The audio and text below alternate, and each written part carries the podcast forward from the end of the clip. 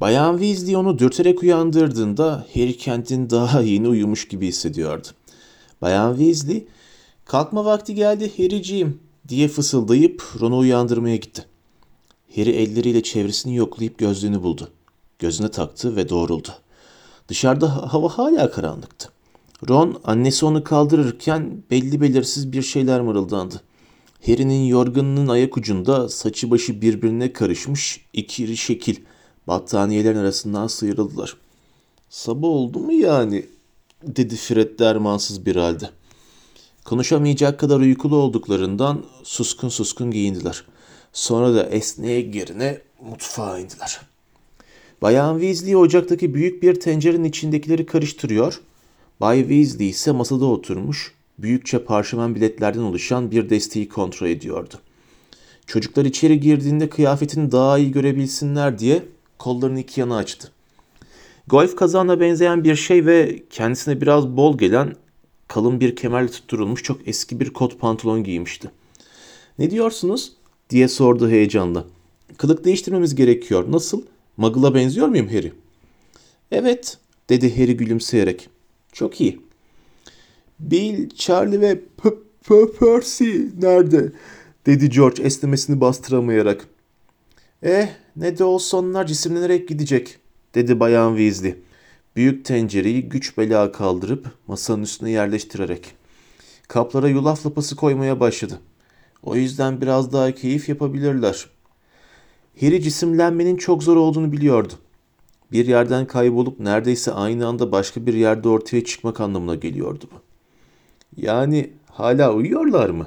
dedi Fred huysuz huysuz. Kendi yulaf lapasını kabını önüne çekerek. Niye biz de cisimlenemiyoruz? Çünkü henüz o yaşa gelmediniz ve sınavınızı vermediniz diye çıkıştı Bayan Weasley. Bu kızlar da nerede kaldı? Aceleyle mutfaktan fırladı, merdiveni çıktığını duydular. Cisimlenerek, ya cisimlenmek yani cisimlenmek için sınav mı vermek gerekiyor diye sordu Harry. Evet dedi Bay Weasley.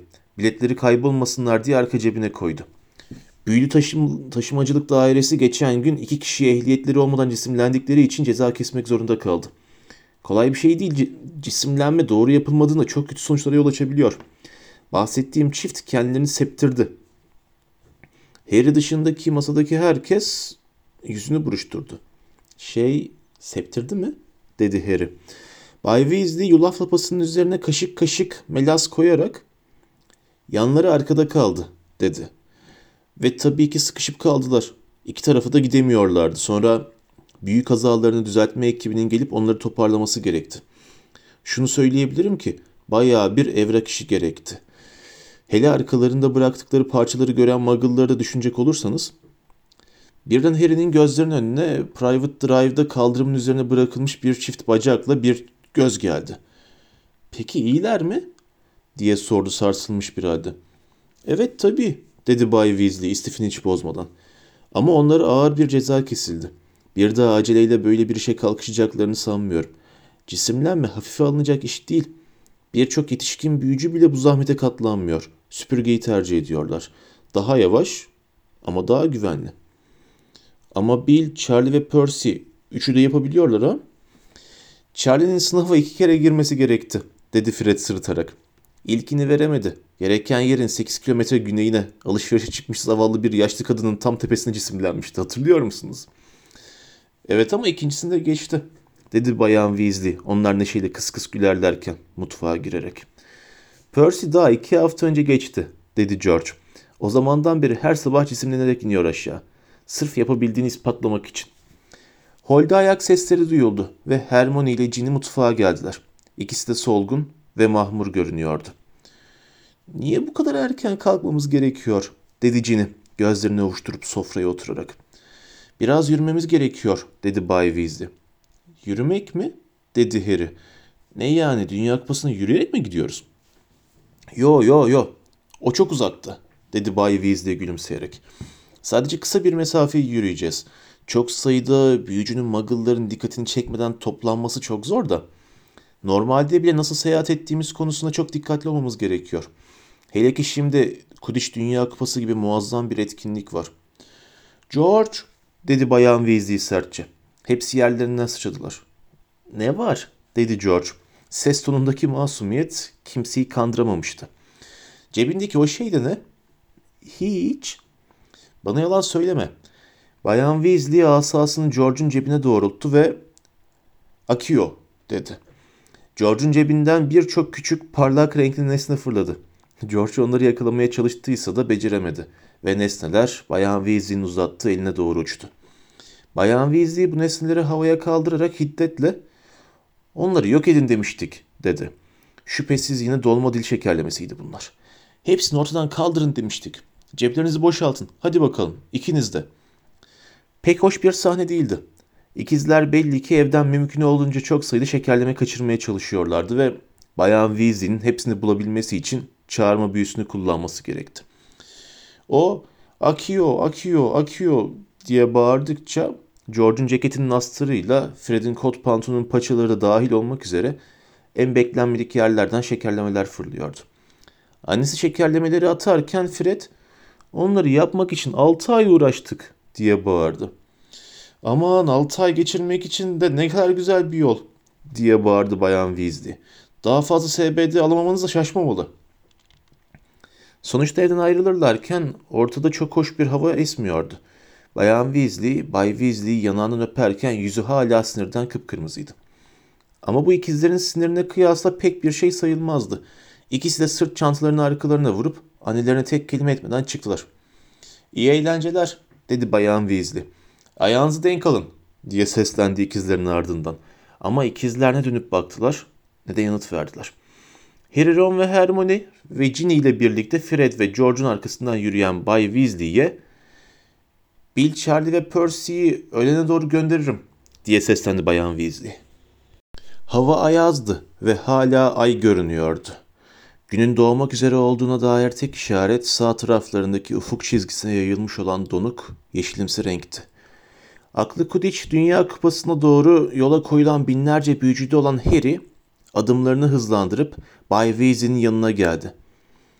Peki herkes Muggle'lara fark ettirmeden nasıl gidiyor oraya diye sordu.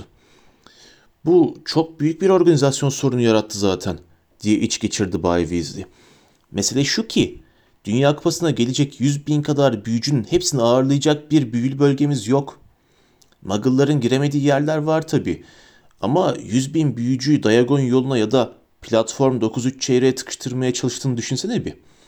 Bu yüzden bomboş, güzel bir kır bulmamız ve orayı mümkün olduğunca çok Muggle savuşturucu önlemle donatmamız gerekti. Bütün bakanlık aylardır bu konu üzerine çalışıyor. Tabii ki öncelikle geliştir düzenlememiz gerekti. Daha ucuz bileti olanlar iki hafta önceden gelmek zorunda. Kimileri Muggle ulaşım sistemlerini kullanıyor. Ama onların otobüslerini ve trenlerini bir sürü büyücüyle dolduramayız. Unutma, dünyanın her yanından büyücüler geliyor. Elbette bazıları cisimleniyor. Ama onları da belirmeleri için emniyetli Muggle'lardan iyice uzak yerlere ayarlamak zorundayız. Sanırım cisimlenme noktası olarak kullandıkları elverişli bir ağaçlık var. Cisimlenmek istemeyenler ya da yapamayanlar içinse anahtarları kullanıyoruz. Bunlar daha önceden belirlenmiş bir vakitte büyücüleri bir noktadan diğerine aktarmakta kullanılan cisimler. Gerekirse tek bir seferde büyük bir grup aktarabiliyorsun. İngiltere'de stratejik noktalara 200 anahtar yerleştirildi. En yakını Stout Sheet tepesinde. Biz de oraya gidiyoruz. Bay Weasley parmağıyla ileriye işaret etti. Gösterdiği yerde Otrisen Catchpole köyünün ardında büyük, siyah bir kütle yükseliyordu. Anahtarlar ne tür cisimler? dedi Harry merakla. Şey, her şey olabilir, dedi Bay Weasley. Göze çarpmayan şeyler olmalı tabii ki. Muggle'lar alıp kurcalamasınlar diye. Çerçöp olduğunu düşünecekleri şeyler. Karanlık, ıslak patikalardan köye doğru ağır ağır ilerlediler. Sessizliği sadece ayak sesleri bozuyordu. Köyden geçerlerken gökyüzü yavaş yavaş aydınlanmaya başladı. Mürekkep karası rengi laciverte dönüştü. Harry'nin elleri ve ayakları soğuktan donuyordu. Bay Weasley saatine bakıp duruyordu. Stout Sheet tepesini tırmanmaya başladıktan sonra konuşmaya harcayacak nefesleri kalmadı. Bazen gizli bir tavşan diliğine takılıyorlar, bazen de siyah çim bebeklerine basıp kayıyorlardı. Harry'nin aldığı her soluk göğsünü yakıyor, bacakları tutulmaya başlıyordu ki düzlüğe geldiler. Ah dedi Bay Weasley soluk soluğa. Gözlüğünü çıkarıp kazağına sildi. Eh iyi geldik. 10 dakikamız var. Tepede en son Hermione belirdi. Eli göğsündeydi. Şimdi iş anahtarı bulmaya kaldı, dedi Bay Weasley. Gözlüğünü yeniden takıp yere bakınarak. Büyük bir şey değil. Hadi. Çevreye dağılıp aramaya başladılar. Henüz bir iki dakika geçmişti ki sessizlik bir bağırmayla kesildi. Burada Arthur. Burada oğlum bulduk. Tepenin öbür yanında yıldızlı gökyüzünün altında iki karanlık ve uzun silüet duruyordu. Amos dedi Bay Weasley. Gülümseyerek seslenen adama doğru yürümeye başladı. Diğerleri de peşinden gittiler. Bay Weasley çalı gibi kahverengi sakallı, kırmızı suratlı bir büyücüyle el sıkışıyordu. Adamın öbür elinde küflü görünüşlü eski bir çizme vardı. Çocuklar bu Amos Diggory dedi Bay Weasley. Sihirli yaratıkların düzenlenmesi ve denetimi dairesinde çalışıyor. Sanırım oğlu Cedric'i tanıyorsunuz. Cedric Diggory 17 yaşlarında son derece yakışıklı bir çocuktu. Hogwarts'ta Hufflepuff binası Quidditch takımının kaptanı ve arayıcısıydı. Cedric onlara bakıp merhaba dedi. Herkes de ona merhaba dedi. Başlarıyla selam veren Fred ve George dışında. Cedric'in takımı geçen yılki ilk Quidditch maçında Gryffindor'u yendiği için ikisi de onu affetmemişlerdi. Uzun bir yürüyüş ha Arthur diye sordu Cedric'in babası. Çok kötü değil dedi Bay Weasley. Şuradaki köyün öbür tarafında oturuyoruz. Ya siz? İkide kalkmak zorunda kaldık değil mi Seth? Cisimlenme sınavını bir versin çok sevineceğim. Yine de şikayetçi değilim. Quidditch Dünya Kupası. Bunu bir çuval dolusu galyon için bile kaçırmam. Gerçi biletlerde neredeyse o kadar ediyor. Yine de görünüşe bakılırsa ucuz kurtulmuşum. Amos Diggory, Weasley'lerin üç oğluna Harry, Hermione ve Ginny'e babacan bir edayla göz gezdirdi. Hepsi senin mi Arthur? Hayır sadece kızıl kafalar dedi Bay Weasley çocuklarını göstererek. Bu Hermione, Ron'un arkadaşı. Bu da Harry, o da arkadaşı.